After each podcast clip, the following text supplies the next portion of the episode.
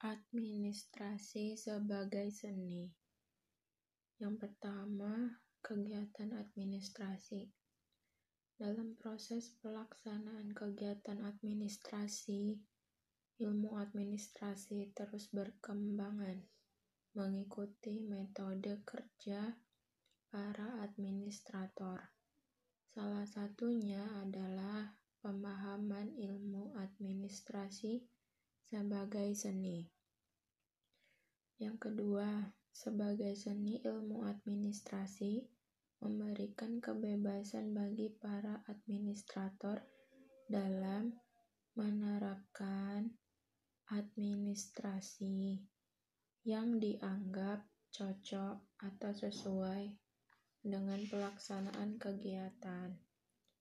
Akhirnya, misi ahli memberikan